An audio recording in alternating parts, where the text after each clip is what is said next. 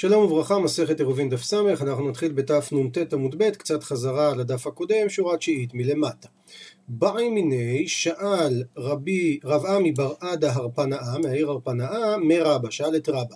סולם מכאן ופתח מכאן, מהו? המציאות שעליה אנחנו מדברים, שיש לנו עיר, שבצד אחד יש פתח, בצד השני יש קיר ויש סולם. האם הסולם הזה שאנשים יכולים דרכו לעבור נחשב פתח או לא נחשב פתח?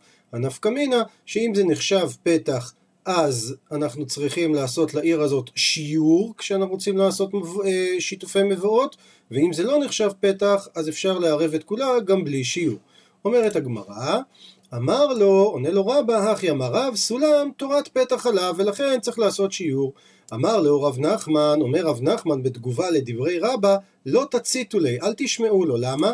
כי הכי אמר עדה אמר רב, סולם תורת פתח עליו ותורת מחיצה עליו. לסולם אנחנו מתייחסים או כמחיצה או כפתח, תמיד להקל. תורת מחיצה עליו כדאמרן, כמו מקרה ששאלנו ולכן את העיר הזאת אפשר לעשות שיתופי מבואות בלי לעשות שיעור. מצד שני, לפעמים תורת פתח עליו וזה יהיה בסולם שבין שתי חצרות, שאם רצו אחד מערב ואם רצו שניים מערבים. מסביר לנו רש"י, שאם רצו אה, סולם בין שתי חצרות ואין ביניהם פתח וזה הסולם רחב ד' ביניהם, הרי הוא כשתי חצרות ופתח ביניהם, דאמינן רצו מערבין אחד, דהיינו עירוב אחד לשתיהם, והשתמשו זו בזו דרך גובה הכותל, וגם דרך נקבים וסדקים, דהי לא אוהבי פתח, כי אם זה לא פתח, אז לא מערבים עירוב אחד, ולא יכולים גם להשתמש דרך החורים והסדקים. ואם רצו, שניים מערבים, דהיינו, שני עירובים, אלו לעצמן, כן, כל חצר יכולה לעשות לעצמה. הנה הציור שעליו רש"י מדבר. שואלת הגמרא, ומי אמר רב נחמן אחי? האם רב נחמן באמת אומר שסולם זה או תורת פתח או תורת מחיצה לפי הדבר הקל יותר? ואמר רב נחמן אמר שמואל, אנשי חצר ואנשי מרפסת ששכחו ולא עירבו. אם יש לפניהם דקה ארבעה, אינה אוסרת, ואם לאו אוסרת. מסביר רש"י בסוף דף נ"ט, דיורי עליות סמוכות זו לזו, ופתוחות לחצר ועושים מרפסת על פני אורך עליות, ופותחים לה פתחי כולן, ועולים ויורדים דרך הסולם של המרפסת לחצר, אז דריסת רגליהם ויציאתם של האנשים מהמרפסת לרשות הרבים זה דרך החצר האביה. ולכן, אם אינן מערבים עם הדיורים התחתונים, הם אוסרים אלו על אלו להוציא את כלי הבתים לחצר. ואם שכחו ולא ירבו בני המרפסים בני החצר, אלא אלו לבדן ואלו לבדן, אז רק אם יש לפניהם לפני המרפסת לרגלי הכבש בתחילת העלייה, דהיינו לרגלי הסולם דקה, במקרה הזה מדובר על פתח קטן בגובה ארבעה טפחים, אז רק אם הוא קיים, אין אוסרים בני מרפסת על בני חצר, למה? כי הפתח הזה מעיד דהה איסטלק להו, שהם בעצם דבר לפני עצמם, חצר בפני עצמה, ולכן הם לא אוסרים על בני החצר. הנה הציור המדובר, יש לנו מרפסת למעלה, יש לנו סולם, אם הם עשו פתח סמלי של גובה ארבעה טפחים, הם נחשבים בעצם כחצר בפני עצמה, והם לא אוסרים על בני החצר התחתונה. לענייננו, אם אין דקה, אנחנו רואים שאנחנו לא אומרים שהסולם הזה יכול להיות או מחיצה או פתח, אלא הוא בהכרח פתח, אז אם ככה זה סותר את מה שרב נחמן אמר קודם. עונה הגמרא, הכא במאי עסקינן בדלא גבוה מרפסת עשרה. דהיינו המרפסת הזאת היא לא בגובה עשרה, ואם ככה, אומר רש"י, לקה למימר תורת מחיצה עליה. דהיינו אין שם בכלל עניין של מחיצה. אומרת הגמרא, אבל אם זה לא גבוה מרפסת עשרה, אז קיקה אבית דקה, מה יהווה? אז מה זה עוזר? זה שאתה עושה את הדקה. אומר רש"י, הרי כל המרפסת סביבותיה נמוכה ופתוחה לחצר, אז הרי הם כשתי חצרות שאין כותל ביניהם, מה מעלה או מוריד לי עניין הדקה? מסבירה הגמרא, במגופפת עד עשר אמות. מסביר רש"י, מגופפת הכוונה שמוקפת המרפסת מחיצה סביב סביב, אלא שנשאר לפניה עשר אמות כדין פתח בלא היקף. דאי אבוד האטם, ובפתח הזה, אם הם עושים דקה את הפתח הקטן הזה, אז סלוק נפשיו.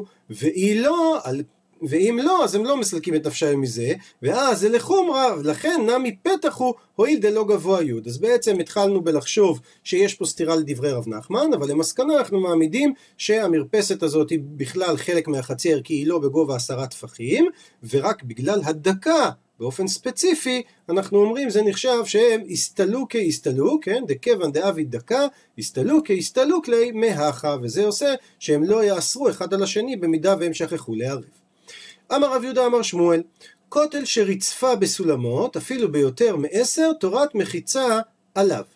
בהמשך לדיון איך אנחנו מתייחסים לסולם, האם הוא נחשב כפתח או האם הוא נחשב מחיצה, מה, כאשר, כאשר, מה קורה כאשר יש לנו כותל שהוא כולו בעצם סולמות, דהיינו הוא כולו מעבר, והוא אפילו ביותר מעשר, ופרצה היא יותר מעשר, אז לכאורה אם תגיד שזה פתח אז זה ממש החצרות מעורבבות זה עם זה, אומר רב יהודה אמר שמואל, תורת מחיצה עליו. רמי לרב ברונה לרב יהודה מקשה רב ברונה לרב יהודה, ואיפה? במעצרת ביקב דבי רב חנינא, שם הוא שואל את השאלה הזאת. מי אמר שמואל תורת מחיצה עליו על הסולם? והאמר רב נחמן אמר שמואל אנחנו הגמרא חוזרת פה עכשיו מילה במילה על אותו מהלך מקודם ולכן אנחנו נקרא אותו ברצף. והאמר רב נחמן אמר שמואל אנשי מרפסת ואנשי חצר ששכחו ולא ירבו אם יש לפניה דקה ארבעה אינה אוסרת ואם לאו אוסרת. אז אנחנו רואים שברירת המחדל זה שסולם זה פתח ולא מחיצה עונה הגמרא אחת במעסקינן דלא גבוה מרפסת עשרה ולכן זה לא יכול להיות מחיצה בכלל. אומרת הגמרא, אבל היא לא גבוה מרפסת עשרה, אז כי אביד דקה, מה יהווה, מה זה מועיל? עונה הגמרא במגופפת עד עשר אמות, מדובר שהדקה הזאת נמצאת רק איפה שיש את הפתח, וכל השאר הוא בעצם מגופפת, דהיינו עם אה, גדר, דכיוון דאביד דקה, כיוון שהוא עשה את הפתח הסמלי בגובה ארבעה טפחים, ואיפה שהפתח, הסתלוקי הסתלק מהכה, נקודה. ממשיכה הגמרא, הנו בני קקונאי, היה איזה עיר אחת שנקראת קקונאי, הייתה עיר של יחיד כנראה והפכה לשל רבים, דעתי לקמא דרב יוסף, באו לפני רב יוסף, ואמרו לו, אמרו לי, הבלן גברא, תן לנו בן אדם, דליאר אבלן מעטין, שיערב לנו את העיר. אומר לו לאביי, אומר רב יוסף לאביי, זיל ערב להו, לך תערב להם, אבל תשים לב, חזי, תראה, דלא מצב חלה בבי מדרשה. אל תעשה כל מיני דברים שיטריחו אותם שלא כדין, ואחרי זה יבואו להתלונן מצב חלך בבית המדרש. אזל, הולך אביי, חזן עלינו בתי דפתיחי לנהרה. הוא רואה שיש בתים שהפתח שלהם הוא רק לנהר. באופן הזה, הפתח הוא רק לנהר והוא לא לעיר עצמה. ועכשיו הגמרא בעצם הולכת לתאר לנו את השיקולים של אביי לעצמו. אמר, אומר אביי, הני להווה שיעור למטה. בואו נעשה את הבתים האלה שיעור לעיר, וממילא אפשר יהיה לערב להם. הדר אמר, חזר ואמר לעצמו, אין מערבים את כולה אתנן, הרי המשנה אמרה, לא מערבים את כולה. אז מכלל לאו אתה שומע הן, מכלל דאי ביי, שאם אני רוצה לעירובי, מצי מערבי, אני צריך לעשות שיעור עם משהו שאפשר לערב אותו, ואי אפשר לערב את הבתים אם אין להם פתח לכיוון העיר, אלא יעבד להוא קובעי, אני אעשה להם חלונות לכיוון העיר, דאי באו לעירובי דרך חלונות, מצו מערבי, אני אגיד להם שיעשו חלונות, באופן הזה לכיוון העיר, ואז אני אוכל לעשות מהבתים האלה שיעור. ממשיכה הגמרא, הדר אמר, חזר עוד פעם אביי ואמר לעצמו, לא ביי, לא צריך לעשות את החלונות האלה, למה? דהא רבא ברבוע, מערב לה לכולה מחוזה ארסייתא ארסייתא, לא הכוונה ארסים, אלא היה ארסייתא, הכוונה היא, אומר רש"י, שכונות שכונות, ולא היו מערבים את כל העיר כאחת, למה? משום פירא דביתורי, דכל חד וחד הווה שיעור לחברי. כן, כל שכונה הייתה נחשבת שיעור לחו... לשכונה השנייה, ואף על גב די באו לעירובי בעדי הדדי, ואפילו אם היו רוצים לערב משכונה לשכונה, ביחד לא מצאו מערבי, הם לא יכלו לערב. למה? מסביר רש"י, פרע הנה ציור כאן, יש לנו את המבואות, באמצע יש את המאגר, אומר רש"י, את הגומה הגדולה שמצניעים שם גרעיני תמרים למאכל בהמה, והיו אותן גומות מבדילות בין השכונות מתחת, דהיינו בקרקע, ובכל שכונה היו מבואות הרבה, ולכן היו מערבים יחד את השכונות ולא מתקנים לחיים, משום דעיר של רבים ונעשית של יחיד אביה. וכל אחד ואחד הווה שיעור לחברי, כן, אז כל אחד היו עושים בפני עצמו, והוא השיעור שהיו צריכים לעשות. דאי לא הווה שיעור, כי אם לא כל אחד היה שיעור לאחרו, לעצמו, לחברים שלו, אז היכי מצו לערבי מבואות הרבה, שבכל שכונה יחד, הרי אם זה עיר של רבים ונעשית של יריד, כל אחד ואחד באפן נף שבאו עירובי, היה צריך לערב כל אחד בפני עצמו, ובאי לחי וקורה, ככל העיירות של רבים. אלא מכאן מוכיח אביי, שאם הם עשו בעצם עירוב, אפילו שהם לא יכלו לערב כל ארסייתא עם ארסייתא השנייה, אז גם את הבתים האלה, שהם נמצאים שם בלי חלונות, לכיוון העיר, גם אפשר של קקונאי, אפשר לערב. הדר אמר, ממשיך הבא את המונולוג שלו, לא דמי, לא, אי אפשר לדמות את זה למקרה של מחוזה. למה? כי הטם אי באי לעירובי דרך גגות, והני לא מערבי.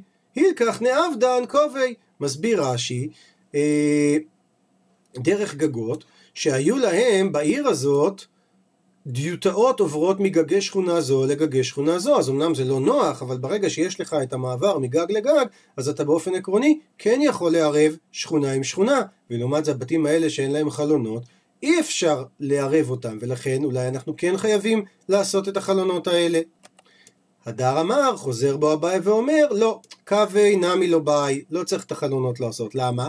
דההוא בי תיבנה, כן, איזשהו אסם, דהבה ללמר בר פופדיתא מפומפדיתא, היה לו אסם, ושב יהי שיעור לפומפדיתא, וכשהיה צריך לעשות את העירוב של המבואות, הוא השתמש באסם הזה כדי לעשות את השיעור, וודאי שהאסם הזה אין בו דיורים. אמר, אומר אביי, היינו דאמר לימר, זה מה שאמר לי רב יוסף, חזי דלא מצוותא לרע בבית מדרשה. הגענו בסוף שלא צריך לעשות את החלונות, כי אפשר בעצם לעשות שיעור גם מדבר שאין בו דיורים, נקודה. ציטוט מהמשנה, אלא אם כן עשה חוצה לה כעיר חדשה. תניא, שנינו בברייתא, אמר רבי יהודה, עיר אחת הייתה ביהודה, וחדשה שמה. והיו בה חמישים דיורים, אנשים ונשים וטף, ובה היו משערים חכמים, כן, זה מה שחכמים אמרו, זה השיעור שצריך לעשות שיעור לעיר שהייתה של רבים ונשארת של רבים. והיא הייתה שיעור, והיא עצמה הייתה שיעור לעיר גדולה אחרת שהייתה שם. היא באה אליה, נשאלה להם שאלה חדשה מהו? הגמרא לא מבינה את השאלה, אומרת, מה זאת אומרת חדשה? כי היכי דאי היא הביא שיעור, כמו שהיא עצמה הייתה שיעור לעיר הגדולה, לגדולה, אז הגדולה נמי הווה שיעור לקטנה. אז מה אתה שואל חדשה מהו? זאת אומרת, מה השיעור שעושים לחדשה? הגדולה היא השיעור לחדשה. מסבירה הגמרא את השאלה, אלא כאין חדשה מהו.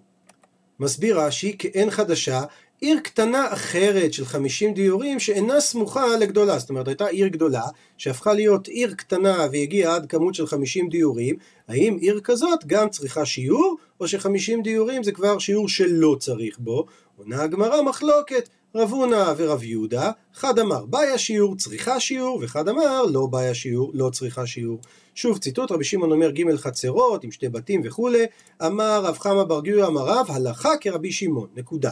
רבי יצחק אמר, אפילו בית אחד וחצר אחת זה גם מספיק בשביל שיעור. שואלת הגמרא, חצר אחת סלקא דעתך? איך יכול להיות חצר בלא בית, מיאה ודירה? אנחנו צריכים הרי לעשות שיעור דווקא עם דירה.